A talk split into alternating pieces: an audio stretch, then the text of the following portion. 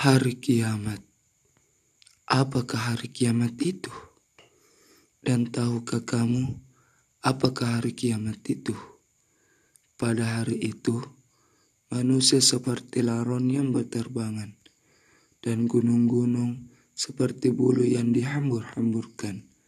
Maka adapun orang yang berat timbangan kebaikannya, maka dia berada dalam kehidupan yang memuaskan.